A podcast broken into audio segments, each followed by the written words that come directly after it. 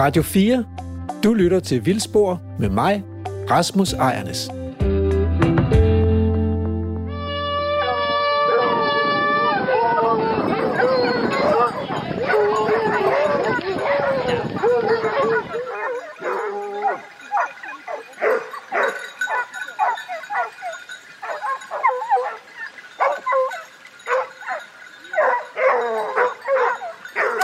Jagt er en populær hobby. Der er omkring 175.000 danskere, som har taget jagttegn. Hvilket ligesom et kørekort kræver, at man består både en teoriprøve og en praktisk prøve. Der skal man så demonstrere, at man kan håndtere en havlbøsse korrekt og ramme et mål. Hvis man vil skyde med riffel, så skal man også lige tage det store kørekort ved at bestå riffelprøven.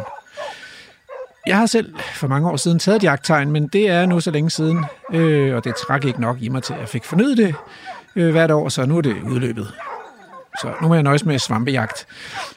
Det kræver på en eller anden måde også, at man har en stærk impuls, det her med jagt. Fordi bortset fra fattigmandsjagten på havet, så er man nødt til at eje noget jord, eller, eller lege sig ind hos andre jordejere, før man må gå på jagt. Man kan ikke bare tage bøssen over nakken øh, på en skovtur, og så skyde en fasan og tage den med hjem til middagsmad. Den går ikke, Grængård. Jagt er et begrænset gode, og efterspørgselen er stor, så det er ikke kun hyggeligt tidsfordriv, men også big business. Og ved siden af alle de penge, som skifter hænder, så er jagten også en form for broderskab. Jeg hører faktisk jævnligt, at hvis jeg virkelig ville have indflydelse på de store beslutninger i Danmark, så skulle jeg altså med på de rigtige jagter med de rigtige vigtige beslutningstagere. Her på øh, programmet Vildspor, der vil vi jo gerne have indflydelse, men først og fremmest vil vi gerne være klogere på dette her jagtvæsen. Hvilken rolle spiller jagten for natur og biodiversitet i Danmark? Og hvad er det, som får tusindvis af danskere til at trække i kamuflagetøjet og træne deres hund til at opsnuse og om muligt apportere det nedlagte bytte? Vi har været heldige og har fået lov at tage mikrofonen med på sæsonens sidste krondyrjagt hos skytten Christian Stenkær på Løvenholm Gods. Det er en slyngeljagt, og det lyder lidt risikabelt, så jeg håber sgu, at Lærker og Emil de kommer helskindet tilbage til redaktionen. Jeg har selv krøbet i sikkerhed her i studiet, hvor jeg får besøg af en ekspert i jagt, Jens Ulrik Hø. Mere om det senere. Lytter til Vildspor med mig, Rasmus Ejernes. Velkommen i felten. I, øh, I dag er vi taget afsted lidt tidligere, end øh, vi har gjort de sidste par gange. Det er sådan lige omkring solopgang, og øh, det tegner til at blive endnu en grå, lidt våd, lidt mørk vintermorgen. Men øh, det tager vi med. Vi øh, er kørt ud til, øh, til det vestligste Djursland lige omkring Avning. På vej herud, der har vi passeret øh, flere store herregård. Vi har kørt forbi Rosenholm Slot. Vi har kørt forbi øh, skiltet til Gammel Estro i hvert fald. Nu står vi på det, der hedder Løvenholm Gods. Og øh, her skal vi i dag på krondyrjagt. Og det øh, bliver meget spændende. Hverken Emil eller jeg er øh, jæger, så vi, vi ved ingenting. Så det er virkelig øh, på udebane, når det kommer til, øh, til den her feltreportage. Og ja, som altid, så er vi øh, Emil Skovgaard Brandtoft fra Naturhistorisk Museum og Lærke Sofie Glerup fra Folkeuniversitetet. Nu øh, går vi ind i jagtstuen herinde, hvor vi skal ind og mødes med Christian Stenkær, som øh, på en eller anden måde står for den her jagt. Det skal vi ind og høre en masse mere om. Han er inde i jagtstuen, så der synes jeg, vi skal gå ind og finde ham.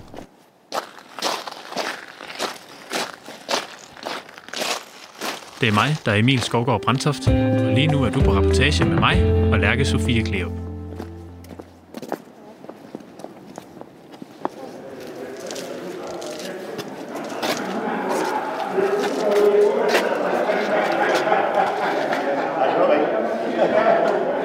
Kommet ind i, øh, ind i jagtstuen her på øh, Løvenholm Gods, og vi er landet lige midt i den store indskrivning, lader det til, hvor øh, alle dem, der skal få med på jagt i dag, de er henne og lige få et nummer, og der sker en hel masse herovre ved det her bord, hvor Christian han sidder og, og, holder styr på folk.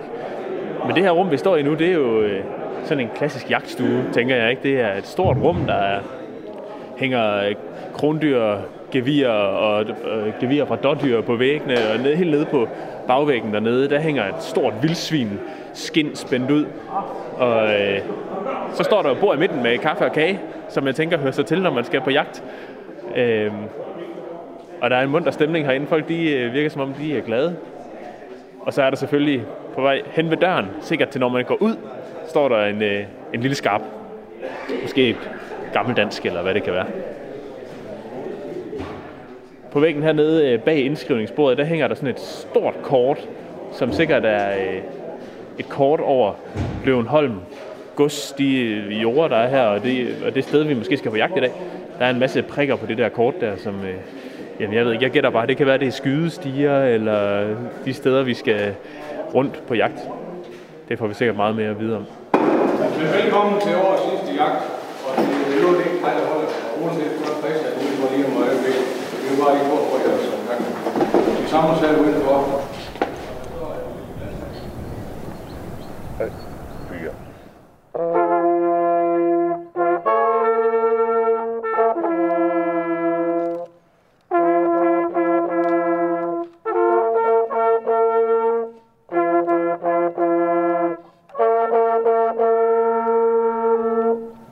Skal Endnu en gang velkommen til, og skål. Lidt planlægning skal vi jo have, selvom I har været her før, og lidt sikkerhed, det skal vi også ind over. Og lige tidspunkterne i dag. Vi rykker ud her. Vi er jo snart ved at være færdige med parolen. Finder vi, finder vi vores grej frem. og så tager vi... Øh, vi, har, vi, vi kører jo ikke i, øh, i nogen øh, trailer og køretøjer, som vi plejer. Vi kører vores eget køretøj. Så de numre, I har trukket, øh, de refererer selvfølgelig til jeres tårn i formiddag og eftermiddag. Og, og, og, og der er også så må der nedlægges, i dag må der nedlægges kronvildt, kronkalve, kronhinder, øh, ingen spidshjorte. Nogen, der skyder en spidshjort, som der er under ørehøjde, så er de jo jagtbare, de er lovlige at skyde, men altså store, fine spidshjort vil vi gerne have fredet. Der er ingen spørgsmål. Velkommen. Og, og vi blæser jagt på nu, og så er vi klar.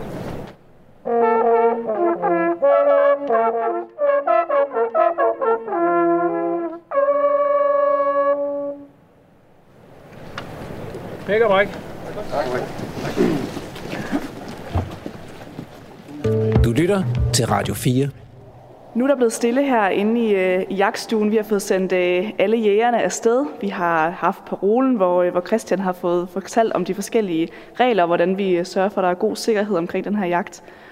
Og øh, nu står vi kun tilbage med Christian, og det er være, Christian, du lige vil kort præsentere dig selv.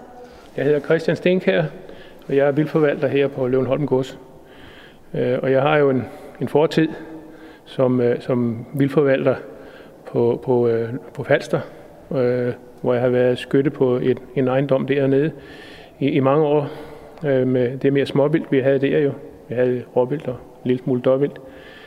Øh, så har jeg haft en, en karriere på, på skovskolen også, i, undervist i, i, i cirka 10 år inden jeg så øh, fik lyst til at komme tilbage til mit gamle erhverv øh, som vildforvalter igen her på Løvenholm, så har jeg kun været i et par år, øh, og, og vi er i gang med at, at lave en lille smule om på, på forvaltningen af vores kronvild kronvildt, øh, i forhold til, at vi gerne vil skabe mere fred for, for det, som der er vores primære formål på Løvenholm Gods, det er en skovejendom, og, og der er det produktion af, af træ, af højstrømmet ved, øh, og øh, og der er kronvildt jo lidt en konkurrent til, at, til det formål, at de gnaver i træerne og skralder træerne, som man kalder det. Øh, og, øh, og derfor så øh, prøver vi at få styr på, på bestanden, og det er der flere forskellige værktøjer til. Det kan være, at vi kan komme ind på i løbet af formiddagen. Men det er den primære årsag til, at vi til mit job her, det er at tilgodese eller regulere og få reguleret øh, kronvildbestanden til et niveau, som, som vi både kan drive skovbrug og, og jagt øh, på en fornuftig måde. Det areal, som vi har for os her, som der er farvelagt, det er det areal, som, som, som øh, godset har ja, vildforvaltningen på selv. De andre arealer ude omkring, som der ikke er farvelagt, det er, det er så også Løvenholm Gods skove og øh, arealer. Men de, der, er, der er der konsortier, som der arbejder der. Øh, vi så så, at der var et selskab, der kørte ud og dyttede her, da vi holdt parole. Og det, det er dem, som der har jagten på et områderne hernede. Så vi, vi har koordineret det sådan, at vi helst ser, at, at på Løvenholms arealer, der holder vi alle sammen jagt den samme dag, eller helst den samme dag. Fordi så forstyrrer vi vildtet den dag, rigtig meget jo. Men så har vi så lang tid imellem, inden der er den næste jagt, den bliver afholdt. Så dyrene kan falde til ro. Øh, så der ikke er jagt den ene weekend i den ene skovpart, og, den, og lige sådan jagt i, i den anden skovpart næste weekend. så prøver vi at koordinere det, så vi får forstyrret dyrene, måske maksimalt i dag, øh, men, men så er der, nu er det så den sidste dag i året, jo, men, men i løbet af sæsonen, der prøver vi at koordinere sådan, så vi forstyrrer vildt maksimalt og får skudt så mange dyr som overhovedet muligt på de jagter, vi holder, og så fred og ro til, og, og, og en god afstand til den næste jagt, vi holder. Så det, det er også en vigtig strategi, at dyrene de kan få fred imellem øh, jagterne. Altså man kan sige, at kronvild, de, altså i rent forvaltningsregi, så har de ikke noget imod at blive skudt, men de har rigtig meget imod at blive forstyrret hele tiden. Selvfølgelig er det trist for de enkelte dyr, der bliver skudt, men altså selve bestandsmæssigt, så er forstyrrelsen altså langt større end som, end, end som uh, selve det at holde jagt uh, hver eneste weekend. Det er altså rigtig, rigtig uh, forstyrrende for, for, for kronvildet. Betyder det noget for, øh, øh, hvad hedder det, for, øh, for reguleringen, eller hvad skal man sige, hvis, hvis der kun havde været jagt her på, på det faglagte, for eksempel opdager krondyrene, at der er fred og ro nede ved naboen, og så går de derned og stiller sig, eller, eller øh, er de ikke så smarte? Jo, præcis. Altså, nu er det jo godt nok et stort areal, vi er cirka 14-1500 hektar, som vi er på jagt på i dag, jo, så det er et stort område, men kronvild har rigtig store øh, levesteder, home range, altså de har et meget stort område, som de færdes rundt på. Øh, så, så, så derfor så, så er vi nødt til at koordinere det på den måde, fordi hvis vi forstyrrer dem her, så kan det godt være, at de så vælger at løbe ned til naboen, og så står de, jamen så får vi ikke skudt nogen af dem. Og det er også det, når vi, når vi endelig forstyrrer dyrene, så skal vi også tage nogen ud. Så, så det kan godt være, at der er nogen, der synes, at det er forfærdeligt, at man har skudt så mange dyr på den ene jagt. Men det er sådan set lige meget, om vi kunne skyde dem alle sammen på bare en dag. Det ville være det allerbedste. Det kan så ikke lade sig gøre, fordi der er dyrene, der måske ikke, og det kan være frygtelig vejr, eller hvad ved jeg. Så man er simpelthen nødt til at have flere jagter, hvor man forsøger at regulere bestanden på. Men kunne man være så dygtig, så man kunne skyde alle de dyr, som man faktisk havde, havde på, man kunne ønske sig på en dag, så ville det være det mest optimale. Men det ville så blive en frygtelig stor parade jo, med, og meget omtalt, kunne man forestille sig. ikke. Men, men det ville sådan set være det allerbedste for kronvildet, hvis det kunne lade sig gøre. Men vi skal jo også ud og, øh, og være lidt en del af, af den her jagt. Og Christian, hvor, hvor tænker du, vi skal tage hen? Nu kan vi jo lige kigge på kortet her, inden vi kører. Nu, den første sort, det er den østlige ende af skoven. Øh, og, og, og vi har her i, i midten af, den, af det skovparti her, der ligger der en stor mose, der hedder Gesing Mose. Øh, næsten 200 hektar stor vild mose her, som vi kan gå ind og se på. Øh, nu, sådan, det er en stor højmose, og højmose er så meget næringsfattigt miljø, så kronvildt kan godt lide at gemme sig. Men der er ikke rigtig noget at leve af for kronvildt, men det er et rigtig, rigtig spændende område. Og jeg har tænkt mig, at vi starter heroppe nordfor. Altså posterne står hernede syd for, for mosen, og, og vi vil starte herop og prøve at drive ned igennem de her bevoksninger her øh, i kanten af mosen. Og så prøve at trykke dyrene, forstyrre de dyr, som der er heroppe i den nordlige ende her, til de vil løbe ned i spidsrod her den vej her ned imellem. Hvis der er nogle øh, dobbelt eller kronvild heroppe i, i den nordlige ende. Så det, øh, vi kører ud og starter herude i, i nordenden af, af det her revir. Så den, øh, den rolle, vi spiller i, øh, i den her jagt, Christian, det er øh, det som driver, eller, eller hvad det hedder, øh, hvor vi ligesom hjælper med at få sat lidt fod i dyrene, så de øh, løber ned til jægerne. Ja, ja vi, vi går ind og agerer sådan en lille klapperkæde, eller nogle driver, der, som der går og pusler rundt, ikke? Altså, og får, får vildt til at... De er hurtigt opmærksom på, at vi er der, men de flygter ikke i panik, fordi de ved, hvor vi er. Og, og de, de forholder sig til, de kan sikkert også godt mærke, hvor vinden kommer fra, de, kan, de ved, hvor tårnen er. De, de er nogle meget, meget dygtige. Øh, Kronvild er utrolig opmærksom på alle sådan nogle ting. Så, så, så hvis, hvis vi begynder at pusle lidt heroppe, jamen, så begynder dyrene at være urolige, og de vil defilere rundt imellem de her poster, og måske blot sig for nogle af jægerne. Ja, nu må vi hellere se at komme ud ja. og høre, om der falder nogle skud. Radio 4 taler med Danmark.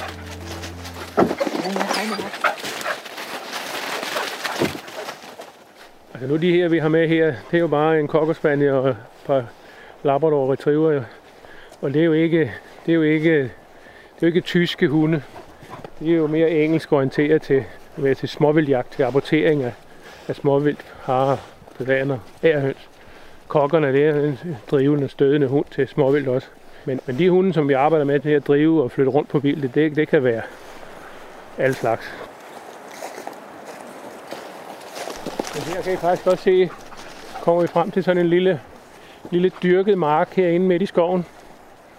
Øh, og den er sådan set anlagt for vildtes skyld. Øh, den passer vi med, med almindelig altså landbrugsdrift, kan man sige, øh, som der bliver lagt om i, i, i, en, i en turnus. To, tre, fire år, så bliver de pløjet op og lagt om, så nye øh, afgrøder i. Så det, det er for vildt skyld, at der ligger sådan nogle små pletter her. Og nu mere, nu mere det ligger sådan lidt omkranset af skov i fred og ro, og ikke ud til en, en befærdet vej. Noget bedre synes vildt det jo om at være der jo. Det skal være sådan en lille, et lille sekse sted, hvor man kan lige at være i fred, ikke? Det skal ikke være lige ud til, til hvor der går en skovvej forbi. Det, det er ikke sådan. Der, øh, står der et jagttårn lige her bag ved os. Ja. Er det sådan en mark som den her, er, den, øh, er det primært for, at, øh, at, at vildet har noget at, at, at leve af, eller er det til fodring af vildet, eller er det lige så meget for at gør det lidt nemt for jægeren op i tårnet op? Altså det, det, det, det, er ikke, det er ikke hensigtsmæssigt at skyde på det vildt, som, som, der, som der går på de her enge inde i skoven. Fordi så, så bliver dyrene bange for at være der jo. Altså det, der skulle faktisk være fred på de her vildager. Så, så, så, så det er lige præcis øh, i jagttårnet her, det er mere til at observere, hvad er det, der foregår, hvad er det for nogle dyr, vi har. Øh, og ikke, i, ikke i, i høj grad til at skyde fra. Det burde det ikke være. Øh, strategien er dårlig at skyde på de her ærer, der er anlagt for vildtes skyld. Der skal de ligesom have fred til at komme ud. Og det allerbedste, vores allerhøjeste og hedeste ønske, det var, hvis vi kunne få kronvilde til at være aktiv om dagen og komme frem på de her marker og græs om dagen. Øh, kronvilde er jo et, et, et dyr, som der hører til på åbne hviler og slæbedyr. Så, så, så derfor så, øh, så, er det ikke, så er det ikke naturligt, at vores kronvild i øjeblikket øh, gemmer sig i, i, i skovbevoksningerne, kulturerne om dagen, og så først kommer frem om natten og foragerer om natten. Altså hvis det, hvis det har været i, i, i det bedste i alle verdener, så ville kronvilde have stået her om dagen, og, og, og måske også været i skoven øh, på nat og dag. Men, men altså i højere grad vil de foragere på de åbne arealer om dagen, og måske hvile sig i skoven om natten, hvor der er læge og så videre. Ikke? Men nu er det så omvendt. Man gemmer sig inde i skoven om dagen, så det bliver mørkt, hvor ingen kan se os. Der går vi ud og foragerer ude på markerne. Øh, så det er jo simpelthen en, en, en, en, en strategi, som de har lagt om i forhold til deres naturlige adfærd. Og det er klart, at når man laver om på dyrs adfærd, naturlig adfærd, jamen så, så, så piller man også ved nogle ting. Man stresser dem i princippet ikke. Det vil vi alle sammen. Vi vil blive stresset, hvis vi skal lave om på vores øh, vanebundne hverdag. Ikke? Øh, det, har, det har dyrene fundet ud af. Fodrer I på anden vis herude, eller øh, altså sådan ved at gå ud og lægge noget mad decideret, eller er det de her marker, der er det primære øh, fodring til, til vildtet? Det, som vi arbejder på i øjeblikket på Løvenholm, det er, at vi, vi vil gerne vil udfase den fodring, som, som der har foregået. Øh, men det er jo igen, det er jo ligesom alt andet, man er afhængig af, om det er, er det en eller anden nydelsesmiddel, som mennesker også kan have svært ved at holde op med, jamen så, øh, så, så er det også en proces, vi har sat i gang i. Vi, vi, vi har et ønske om ikke at befodre på kronvilde i vores skove, fordi vi, der er sådan set rigeligt med mad. Øh, der er masser af føde, så, så hvis vi, der er ikke nogen krondyr, som der i princippet sulter her på Djursland. Det, alt det mad, som der bliver lagt ud, det er for at få trukket dyrene til sig, så man i højere grad kan nedlægge nogle af dem, så man får dem, man ved, hvor de er. ikke. Så, så, øh, så, så fodring er, er, ikke, er ikke livsnødvendig. Altså, dyrene har været her siden istiden, og det er først i nyere tid, at man er begyndt at, at fodre dyrene, fordi at der også fordi, at kronvildbestanden nu har, har steget. Altså, der, kronvild har jo også en, en, en, en kort historie for, for, for i, hvis vi bare går 200-300 år tilbage, jamen, så var det jo kongens vildt jo. Og, og det, var, det var den eneste, der måtte, måtte drive jagt på dem. Det var, det var adelsfolk og, og konger. Øh, men så i 1807, eller det omkring, der sænkede englænderne, englænderne så vores, vores egetræs krigsskibsflåde. Øh, og, og, og i kølvandet af den, og andre årsager også, der laver man en ny skovlov i 1807, hvor at, at man skulle plante E og man skulle, lave, så man skulle få nogle nye krigsskibe bygget jo. Øh, så derfor så kom der jo en hel øh, en skovlov, hvor at kronvildet ikke var ønsket, fordi de ødelagde skoven. Og så, øh, så blev det simpelthen med en kongelig forordning skudt væk.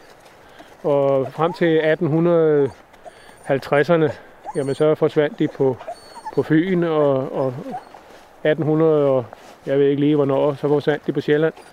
Øh, og der var så nogle enkelte autonome godsejere på Jylland, altså Lindenborg, Løvenholm, Mejlgård, nogle af de der store ejendomme, hvor er, er herremændene der siger, at altså, de, hvis de skulle sidde på sådan en ejendom, så skulle der altså være noget kronvildt, ellers så, det, det, det var næsten værre end, end, det værste ved en skov, det det er en, en skov uden kronvildt, ja. Så, så de holdt hånden over nogle enkelte stammer af vores urstamme af kronvildt. Og det er sådan set dem, som der så har fået lov at brede sig igen, nu til det, vi ser i dag, hvor der er i, i tusindvis.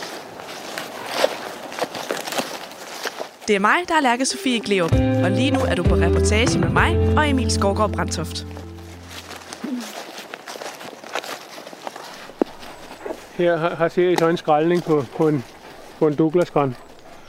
Øh, og I kan godt se, hvis I kigger ind i den her bevoksning her, og ser, hvordan træerne ser ud.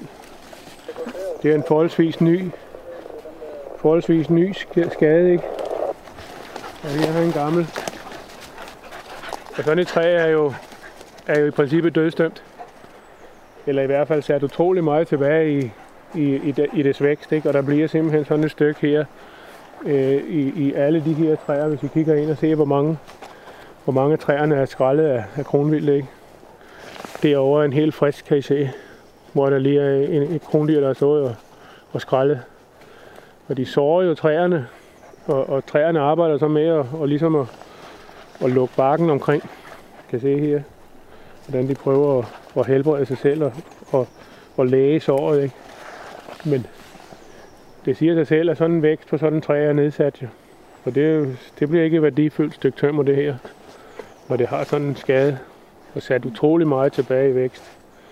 Så, så det er jo et udtryk for, at de her dyr har, har måske en, en forkert adfærd øh, i forhold til det, som der er optimalt.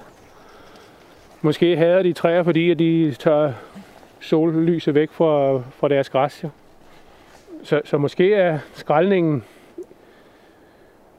både et udtryk for, at de får et eller andet put i, i, i vommen, men det er ikke særlig lødigt foder at, at fylde sig med bark.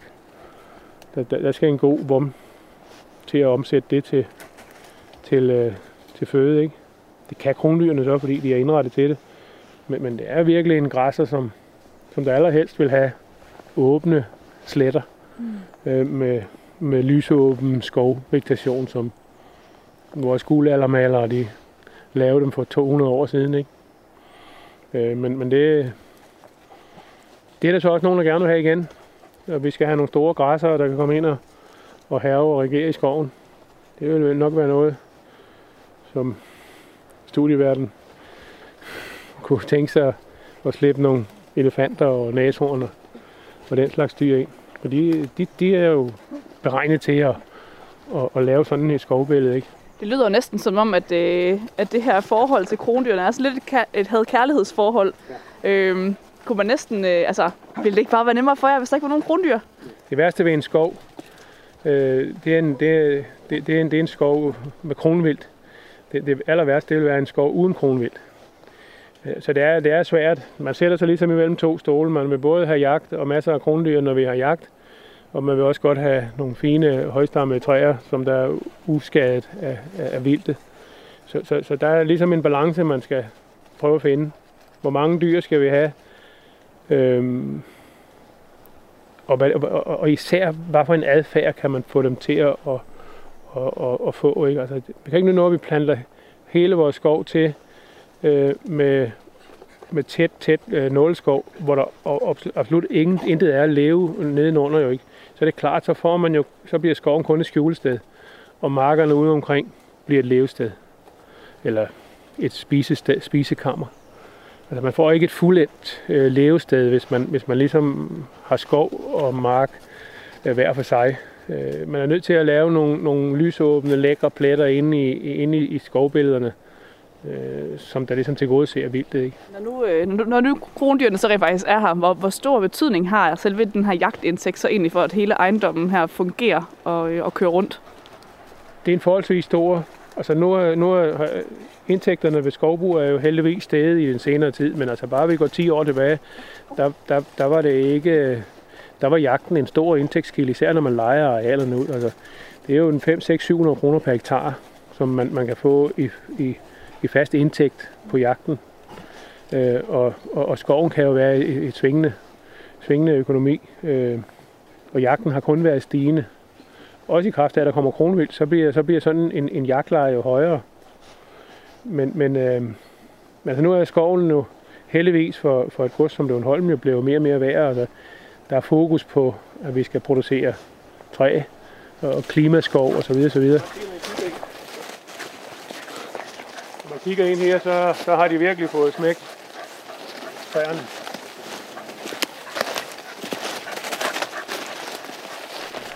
Skader, der er på træerne her, er det fra dyrene, der fejrer, eller går de og Nej, spiser det, det, barken? Er, det, er, eller? det er skraldninger. Det er ikke fejninger fra geviret. Altså, de er jo meget minimale. Altså, selvfølgelig, hjortene, de, de fejrer jo deres gevier øh, sidst på sommeren. Øh, og og der, der, der skader de også nogle træer. Men det er meget minimalt. De, de værste skader, det er de her skraldninger, som, hvor hele familien de deltager i, ø, i ødelæggelserne. Og det er dem, vi kan se her. Altså, hvis I bare kunne nøjes med fejningerne, så er fred være med det. Det, det vil ikke betyde noget.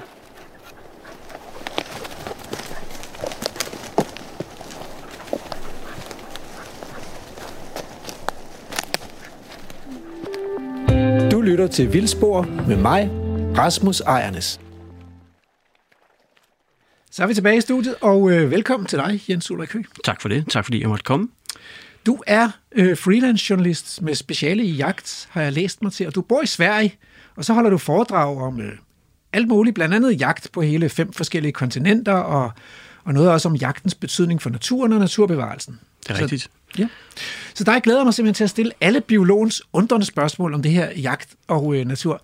Øhm, jeg har ikke fundet nogen titel på dig, så jeg spekulerer over, er du simpelthen sådan en halvstuderet røver, der stak til søs, mens jeg kedede mig halvt ihjel gennem seks års kandidatstudium og tre års Ph.D. oven i hatten? Det er meget tæt på. Det er Okay. meget tæt på. Jeg har læst lidt til maskiningeniør, men afbrød, fordi at, øh, man kan jo ikke gennemføre det, hvis man vil være halvstuderet resten af sit liv. Vel?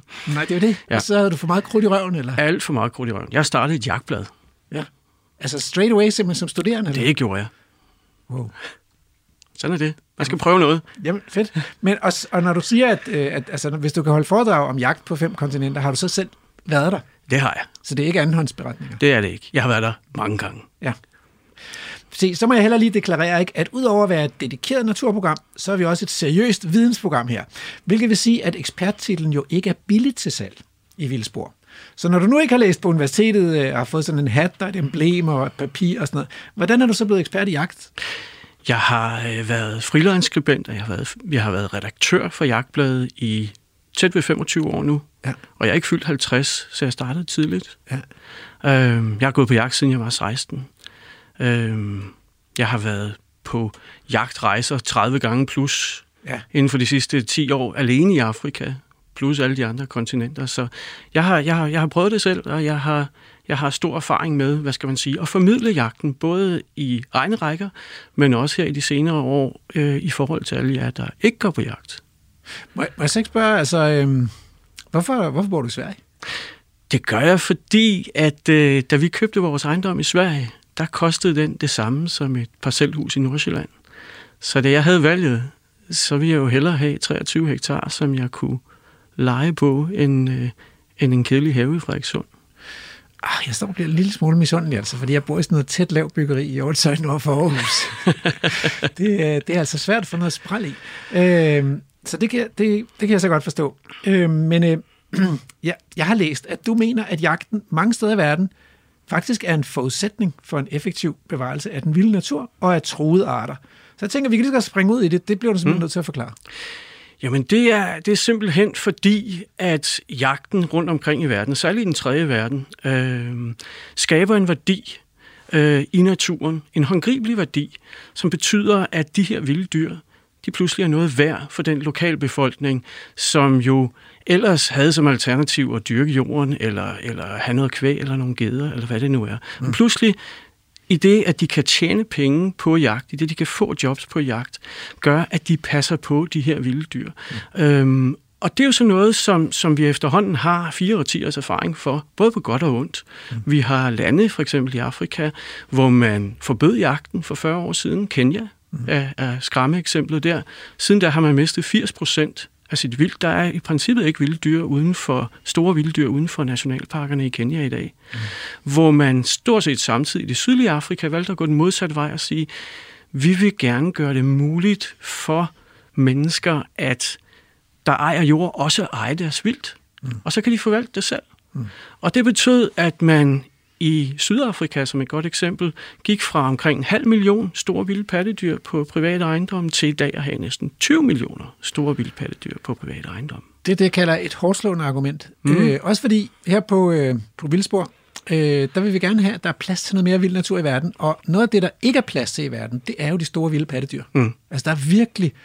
Altså, over hele verden, der er store vilde dyr blevet skiftet ud med husdyr, ja. tamdyr, ko, gris, får, ged, You name og det er jo også truslen i, i de her ulande, vi snakker om. Det er ikke kun Afrika, det er også øh, steder i Centralasien, øh, hvor, hvor man har gjort det her med succes, at, at der står jo altid en, en kvægbund eller en gedebund på spring for at overtage de her arealer. Rigtig mange af de her arealer i det sydlige Afrika har faktisk i årtier været kvægfarm, gedefarm, som er blevet rewildet i, i de her 40 år, der er gået. Ja. Jeg, jeg besøgte selv den, på den ene safari-rejse. Det var så fotosafari, men øh, øh, jeg har været på i Sydafrika, besøgte jeg sådan et game reserve på 16.000 hektar. Og det der, altså, at opleve, hvor meget vild natur man kan få på 16.000 hektar, hvis man går all in på det, det var jo vildt fascinerende. Altså. Det er en, en, en meget storslået oplevelse at opleve det dernede. Også at se, hvor kort tid der faktisk går, fra man tager beslutningen om at gå all in og, og rewild et, et område, mm. øh, til, til man faktisk har noget, som kommer meget, meget tæt på det oprindelige. Jeg tror sgu ikke engang, de kalder det rewilding. Det er, sådan noget, det er sådan et moderne ord, der er opstået her ja. i, i den vestlige verden. Ikke? Det er jo. noget, der hedder bare naturforvaltning. Så går man all in. Ja, det, jamen, jamen det, det har du nok ret i. Radio 4 taler med Danmark. Altså, øhm, jeg, jeg mindes, at du engang forsøgte øh, at sælge en giraf på Facebook. ja, det, jeg, er det ikke rigtigt? Jeg forsøgte faktisk at sælge 10. 10 giraffer, ja. ja. Ja. ja, men det var lidt... Øh, det var rabat eller noget? Ja, men det var... Altså, vi havde jo faktisk først forsøgt at sælge et næshorn. Nu siger du vi. Ja. Øh, jeg, jeg, øh, jeg arbejder lidt sammen med nogen, der hedder Nordisk Safari Klub, ja. som er en, øh, en jagtrejseforening, som har basis her i Danmark, men som organiserer jagtrejsende fra Skandinavien, kan du sige. Mm øhm, og, og, og hjælper dem lidt med noget kommunikation. Mm. Forklare, hvad det, hvad det egentlig er, det her det går ud på, for det er der rigtig mange, der ikke forstår. Og lige i øjeblikket, der har vi en kæmpe udfordring i England, fordi at øh, der er en frygtelig masse politikere, som rigtig, rigtig gerne vil forbyde trofæjagt. Det kan de jo så ikke lige øh, andet end hjemme hos sig selv, men så vil de i hvert fald gerne forbyde, at der importeres jagttrofæer til England. For det er der lidt stemmer i. Det er lidt det er, der, det er der rigtig mange ja. stemmer i, fordi det er jo øh, døde babyelefanter ja. og leoparder, der bliver skudt i knæene, og hvad man nu også kan finde på af, af skrækhistorier. Ja. Øh, og, og dem er de gode til at finde på. Så, så derfor er vi lidt sådan op og diskutere med dem, og spydspidserne i den her diskussion det er jo en masse kendiser, øh, komikere og tv-værter og skuespillere, som har en mening om, at det her trofæjagt, det er det ondeste af det onde. Moralsk. Det er moralsk forkasteligt, simpelthen. Øhm, og en af, de, en af de værste i den forbindelse, det er ham, den komiker, der hedder Ricky Gervais. Øhm, mm-hmm. Han hader trofæjæger, og, øh, og han ser det som den helt store undskyldning for at sige de grimmeste ord i det engelske sprog. Og gør han gerne, han gør det ofte. Øhm, men det, som vi ligesom øh, ser lidt som en udfordring, det er jo, at vi som jæger øh, forventer jo ikke, at folk kan lide os. Mm. Øhm, men set ud fra sådan et, et naturbevarelsessynspunkt, når man nu har set, hvad det her kan gøre for naturen i ulandene rundt om i verden, så mener vi jo, at der er en vis fornuft i, at man accepterer jagtturismen som et redskab til naturbevarelse. I hvert fald indtil man har et bedre alternativ selv. Og det her alternativ, det har knippet gevaldigt. Øh, fordi i Afrika er det sådan, for eksempel i Sydafrika, der har du fem gange så store arealer, som er betalt af jagtturisme, som arealer, der betaler fototurisme. Fem gange, fem gange mere betaler jagt end af fototurisme. Yes. Så, altså, så, så hvad vil man betale for at skyde en, en giraf eller en løve? Eller hvad, hvad, altså hvis man skal have et eller andet billede af, for at kunne sammenligne Ja, det. Jeg synes det var dyrt at tage på fotosafari. Altså. Ja, men, men, men øh, altså, skal, man, skal man i dag på jagt efter en vild løve, Ja. så koster det 300.000. Så det, det er, okay, det var lidt mere, end jeg betalte for. Så, så det, det, er jo, det, er jo også, det er jo også penge Ja. ja. ind i et eller andet lokalsamfund på kanten af en nationalpark Ja. ja. i Zimbabwe, for eksempel. Og det du så siger, det er, at man betaler ikke for at udrydde løven. Nej. Man betaler tværtimod for at sikre løven et sted at, at leve. Altså, jægeren, løverne. nu, nu skal jeg ikke gøre jæger bedre, end vi er. Jægeren, den enkelte jæger, han tager jo på jagt i Afrika, fordi han synes, det er super spændende at tage på jagt i Afrika. Ja. Det er hans motivation. Ja. Men grunden til, at han får lov til det af de lokale myndigheder, det er jo, at de penge, han lægger, de rent faktisk hjælper de her lande i deres naturbevarelse. Ja. Fordi mange af de her, tag løven igen som eksempel, en løve, der går ud af Wangi Nationalpark. Alle kan huske Cecil. Det var en gammel løve, som gik ud af Wangi Nationalpark. Det, der sker, det er, at den går ind i en bufferzone rundt om parken. Øhm, og i det her tilfælde kommer der en amerikaner og skyder den, lægger en masse penge, skaber en masse arbejdspladser. Hvis ikke han kommer og skyder den, så er alternativet jo, at den her løve, den går videre ud og spiser noget kvæg, øh, og så skal de lokale enten smide noget gift efter den, hvilket heldigvis er ulovligt, men det gør de jo alligevel, mm. eller også så skal myndighederne ud og betale en ranger for at skyde den. Mm. Alt i alt, så kommer der ikke en krone ind. Mm. Det, der sker nu, hvor de rent faktisk får en masse penge ind på det, det er jo, at de her mennesker, der lever i den her buff- bufferzone rundt om nationalparken, de kan rent faktisk godt acceptere, at der er en lille bestand af løver der også. Pludselig har vi mere plads til løverne. Øh, det er naturtelefonen, kan jeg høre. Øh, øjeblik, hvor fanden har jeg sat den hen? Det er Rasmus Ejnes på spættetelef- nej, øh, naturtelefonen. Ja, hej, det er mellemflagspætte. Åh oh, gud, den første spætte. Hvor skønt. Ja, det er det. Hvorfor ringer du? Jamen, jeg ringer fra Tyskland. Jeg ringer fra Nordtyskland. Lige, øh, jeg kan faktisk se, øh, jeg kan faktisk se øh, vildsvinehegnet for det træ, jeg sidder i her. Har Norddeutsche Rundfunk ikke sådan noget naturtelefon?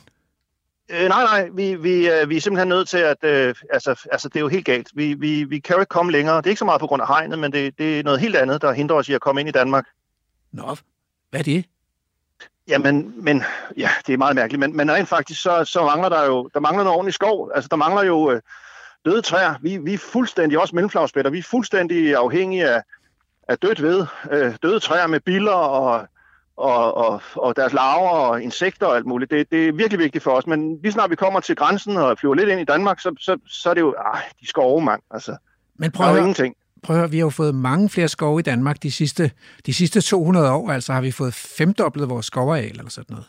Jamen altså, ja, det er fint, men det er jo, det er jo plantet skove, og der, træerne bliver fældet, og så lige snart det bliver lidt gamle træerne, så fælder I dem jo. Og vi er jo, altså, vi er jo fuldstændig afhængige af, af dødt ved. Og dødt ved, altså, det er jo, det er jo, det er jo, det er jo sikker blot i Danmark. Der er jo ingenting. Altså, nej, men her i Tyskland, der er meget mere. Der er meget mere.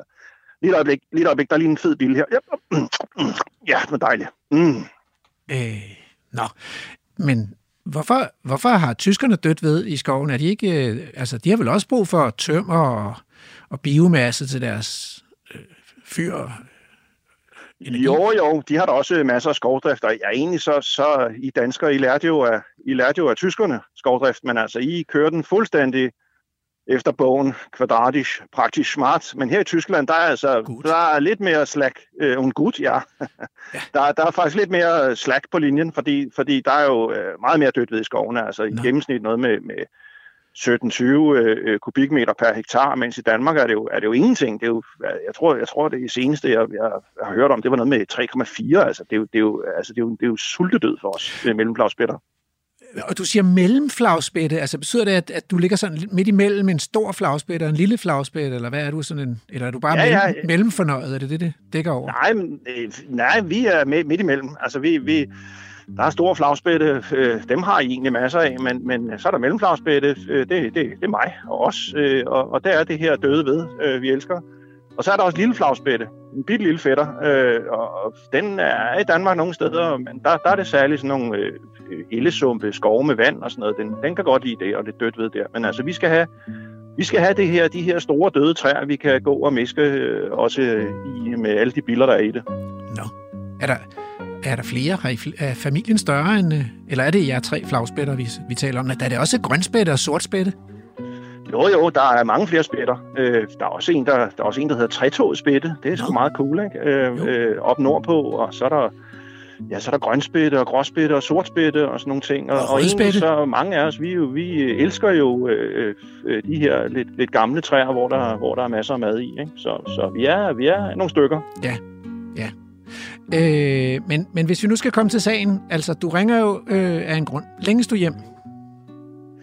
Ja, det gør jeg. Altså, øhm, det gør jeg sgu. Jeg, jeg, det er lidt irriterende, at, at, øh, at vi ikke rigtig øh, kan finde nogle steder i Danmark at være. Altså, fordi indimellem, så kommer vi faktisk på besøg. Altså, vi, vi, øh, vi har været der lidt indenfor i år, nede i skovene, helt nede i Sønderjylland. Øhm, og, og hver gang vi lander i et træ, så går det jo fuldstændig bananas blandt fuglekiggerne. De, de telefonerer og, mailer og skriver på deres hjemmesider og sådan noget, og de stormer til Er det et problem? For, Er det et problem for jer, altså? Er det for Nej, meget overhovedet- opmærksomhed? Overhovedet ikke, overhovedet ikke. Det er da fedt at blive kigget på. Okay. Altså, Okay. når man er sådan lidt en ekshibitionist og, har mange farver og sidder der i træerne og siger høje lyde og trommer, så er det da fedt, der står nogen og kigger på en. Ja. Ja, okay. Det er no problem, no problem. Det, der mangler, det er døde træer. Det burde jo være meget enkelt, altså. Ja, yeah, det synes jeg også, men åbenbart ikke. Altså, altså urørt skov, øh, det virker, det ved vi. Det giver en masse dødt ved, øh, en masse døde træer, øh, en masse vand i skoven også.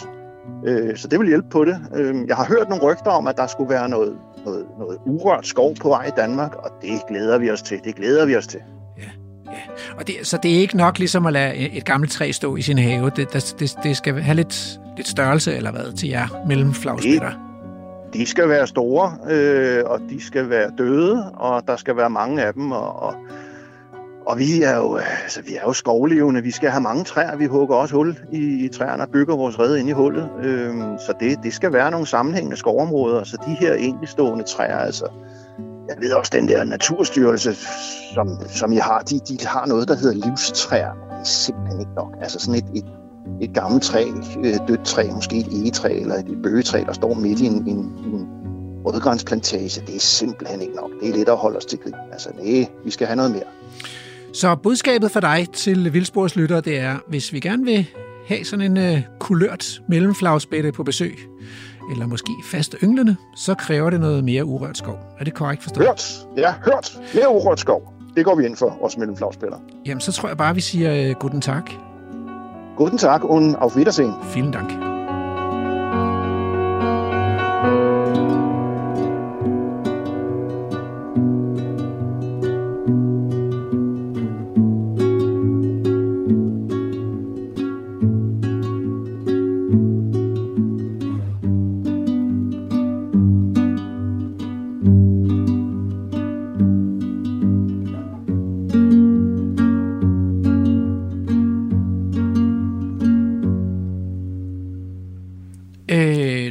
Du må undskylde øh, afbrydelsen, Jens Ulrik, men jeg kan ikke rigtig bestemme, hvornår de der øh, arter ringer ind. Nå, men det er også altid rart at høre fra det danske mindretal. Ja, præcis. Ja, det var lidt hyggeligt, altså. Øh, og, og sidst, der var der en, øh, en ellekrav for et par uger siden, der ringede fra, fra Sydafrika, tror jeg, eller sådan noget. En lila crested roller. Oh, yeah. Ja. Det var vist en European øh, Okay. roller, altså. Men den anden er godt nok også lækkert, den lille brystet, eller rosa brystet. Hvad hedder det? Øh, vi skal tilbage til de der giraffer, fordi øh, Ja. du satte dem til salg. Ja. Kom der nogle bud? Øh, nej, det gjorde der ikke. Nå. Vi, øh, vi gik simpelthen ud. Jeg, jeg fandt en farm, som havde for mange giraffer. Ja. Han havde faktisk 40 giraffer for meget. Ja. Øh, og øh, de har ikke rigtig nogen naturlige prædatorer. Så, øh, så han vil gerne af med de giraffer der. Ja. Øhm, øh, og vi besluttede, at øh, vi skulle sætte 10 giraffer til salg, fordi det var ligesom, hvad lokalområdet kunne konsumere på én gang. Øh, han forærer simpelthen øh, kødet væk til de lokale børnehjem og alderdomshjem og sådan nogle ting. Det er jo heller ikke så tosset. Nej, det er udmærket. Øhm, så, øh, så vi satte de her 10 giraffer til salg for kødprisen, hvilket var beskidende 500 dollars per giraf. Ja. Det var jo ikke mange penge. Øh, og øh, vi gik ud i et åbent brev til alle de her kendiser og tilbød dem, at de kunne overtage de her giraffer, mod at de selvfølgelig fik dem fanget ind og flyttet til et sted, så de kunne vise os, hvad de ville stille op med dem. Ja, fordi så skulle de jo ligesom også have et sted, hvor, hvor girafferne kunne leve. Ja, selvfølgelig, ja, ikke? selvfølgelig. Øhm, og alternativt, så måtte jeg jo tage ned og hjælpe ham med at skyde dem. Ja. Øhm, og øh, der gik et par måneder, hvor vi oprettede en e-mailadresse, som de alle sammen kunne skrive ind til, hvis de ville have nogle giraffer. Ja, præcis. Øh, og det her, det blev jo delt mere end 10.000 gange på sociale medier, Fedt. og sendt som breve, og jeg ved ikke hvad. Og vi fik, siger skriver, nul e-mails. Jeg fik ikke engang en lille sur hademail. Det er, jo lidt, Øhm. altså, det er jo lidt af et stunt, sådan set. Og Mhm. en, en, en fantastisk sjov historie. Øh, fordi jeg kan jo godt huske, da de øh, slagtede en giraf i øh, Københavns Zoologiske Have. Marius. Ja. Giraffen Marius. Ja. Den gik jo verden rundt, altså. Og Ja. folk de røg helt op under loftet, at man kunne få sig selv til at tage livet af en giraf. Præcis. Så man kunne jo godt forestille sig, at der var opstået sådan en vis efterspørgsel på, på giraffer. Men det er der ikke. Det er der ikke. Øh, og, og, og situationen lige nu, som, som jeg jo som, som jæger og, og naturmenneske ser som en positiv situation, er jo, at der hver eneste år er et eller andet sted mellem 2 og 4.000 giraffer i overskud i det sydlige Afrika, ja. som bliver skudt og et. Hvilket jo er dejligt, fordi det er et udtryk for, at vi ligesom har fyldt de habitater, vi har. Øhm, men, men, men igen, så bliver der jo en frygtelig shitstorm, hver gang der er nogen, der ser et, et, et billede af en, af en død giraf. Ikke? Ja. Og, og man kan sige, at hvis, hvis man skulle skaffe mere levesteder til giraffer, så øh, gælder det om at få nogle penge ud af det, når girafferne skal skydes. ja. Sådan så enkelt er det. Det er det, der har betalt det hidtil. Øh, og og, og hvis, hvis, man, hvis man vil have giraffer som kæledyr, jamen, så må man jo betale prisen selv. Det øh, virker faktisk ikke særlig kompliceret. Men øh, nu kunne jeg godt tænke mig at komme hjem til Danmark igen. Så hvis man nu øh, skulle sammenligne øh, det der øh, jagt og, øh, og vilde naturforvaltning i Syd, Sydafrika med, med jagten i det danske kulturlandskab, så det er jo noget helt andet. Altså, hvad er den mest slående forskel? Jeg synes, den mest slående forskel er jo i virkeligheden, at øh, i de her ulande, hvor det virker på meget, meget store arealer, der har det også en vis sammenhæng med, at jorden er meget, meget billig, og arbejdskraften er relativt billig. Øhm, omkostningerne i Danmark er jo, er jo nogle helt, helt, helt andre. Men jeg vil så dertil sige, at, at heroppe i Europa, det er jo ikke specielt for Danmark, det er jo, det er jo sådan set hele Vesteuropa og også til en vis del USA, der har vi så mange jæger, som er så passionerede omkring det her, at øh, vores tilstedeværelse og vores, vores penge og vores passion, der er jo også mange jordejere og skovejere, som selv er jæger har den passion, er jo det, der gør, at vi ikke er havnet i 100% monokulturelt kulturlandskab endnu. Det er jo det, der gør, at, at, at vi bevarer nogle levende og vi bevarer nogle vådområder, og vi bevarer noget, noget forskelligt rundt omkring, fordi vi gerne vil på jagt. Øhm, Men, men nu, nu vil jeg så godt udfordre dig lidt, og så mm. sige, at jeg synes med mig, det er kedeligt at gå rundt i det danske kulturlandskab, sammenlignet med sådan en, at være på besøg i sådan en sydafrikansk game reserve. det er jeg enig med dig. Der er jo næsten ingen dyr her hjemme i Danmark sammenlignet med, hvad man kan opleve. Hverken i antal individer, eller i variationen af dyr, eller for den sags skyld i størrelsen af dyr. Altså, vi kalder godt nok krondyret for skovens konge, men det er jo en lille pjevs øh, sammenlignet med, hvad man kan opleve i Afrika. Fuldstændig enig. Vi har ikke meget vild natur tilbage i Europa. Ja. Øhm, jeg vil sige det sådan, at et eller andet sted, så, så, så, så er det jo ikke jægernes ønske, at det er sådan. Vi vil egentlig gerne have så store bestande som muligt, så sunde bestande, så varierede bestande som muligt, så vi kan komme så meget på jagt som overhovedet muligt. Fordi helt ærligt, så, så, så brænder vi for det her, fordi vi gerne vil have den naturoplevelse, som jagten er for os. Men det er jo sjældent os, der ejer jorden. Mm. Den tilhører jo gerne en landbruger, eller en skovejer, eller et eller andet, og øh, som vi også hører i den her reportage fra kronvildjagten, jamen så er der altså nogle begrænsninger der, for de vil gerne dyrke noget træ til tømmer, eller noget korn til mad, eller hvad de nu vil gerne vil dyrke, og det er jo så det, øh, der sætter begrænsningen. Der Øh, er Christian i reportagen jo ret klar i mailet, ikke? Ja. Altså, at et af jagtens formål, øh, og det er det mange steder i Danmark, det er jo at, det er selvfølgelig at sikre, at dyrene har det godt, men det er også at sikre, at der ikke er for mange dyr, der render rundt og laver skade. I allerhøjeste grad. Og så ender man selvfølgelig med, at der bliver færre dyr, end der kunne være. Det gør der. Men, men altså, øh, behøver det at være sådan? Altså, Øh, ja, uden, uden, uden at jeg på nogen måde skal kloge i... i øh, Det, det skal du. Ja, jo, jo. Det, det, må det, hvert det, det, det, det er jeg med på. Men, men jeg, har, jeg, har lidt, Ja. jeg, har lidt, jeg har lidt svært ved at se, hvad skal man sige, kombinationen af træmarken, hvor vi dyrker tømmer til ja. vores bygninger, øh, og så en maksimal tæt øh, kronvildbestand. Ja. Det tror jeg ikke kan lade sig gøre sammen. Så det, det er sådan lidt enten eller. Det gør, vil, vil man ikke gøre i Sydafrika. Nej. Der vil man gå all in på det. Og så sige, hvis vi har et, et, et naturområde, så har vi vilde dyr, og så er det, hvis vi dyrker noget, så er det de vilde dyr, vi dyrker. Altså. Lige præcis. Ja. Og, og, der, altså, og, og, omvendt, så har du jo så også i Sydafrika nogle enorme eukalyptusplantager, hvor de dyrker tømmer til deres, øh, til deres øh, bygninger. Så det findes også, ja. Det findes også, og der er stort set ikke nogen vilde dyr. Vel? Og der er vinmarker. Også De det. laver noget udmærket Ja, Sydafrika. Det gør de. Ja. Og der bliver alle bavianerne, som kigger indenfor, skudt øjeblikkeligt, fordi de er bare ikke velkomne der. Og de vil også æde druerne. Ja, No shit, Sherlock.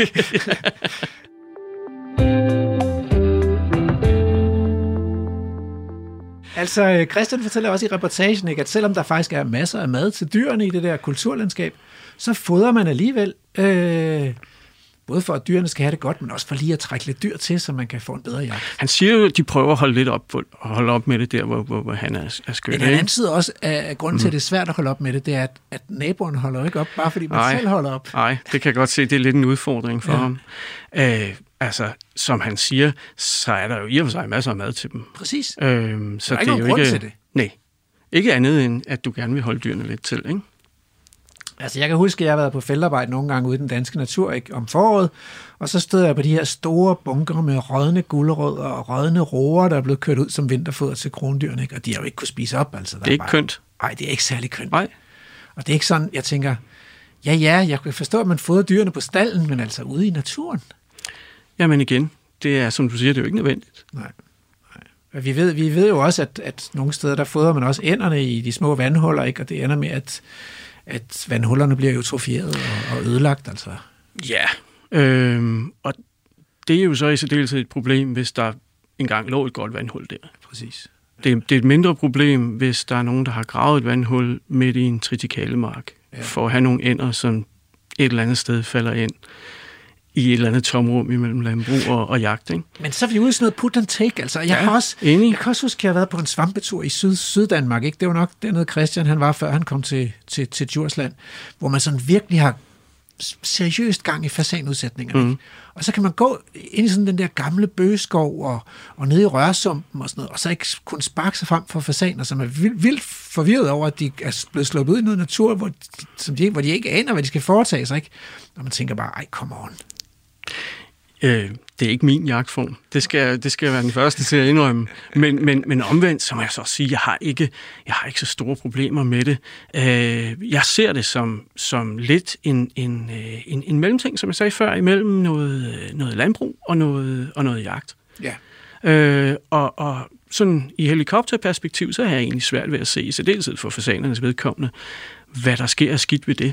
Mm. Fordi det jeg så også kan se, det er jo, at mange af de her landbrugsejendomme, som gør det her, jamen fordi der er den interesse i at sætte de her fasaner ud, mm. så sker der altså også lidt med hensyn til at lade noget skov stå her, og noget, noget, noget kratværk stå der, og så videre, og så videre, som jeg ikke tror ellers vi ske.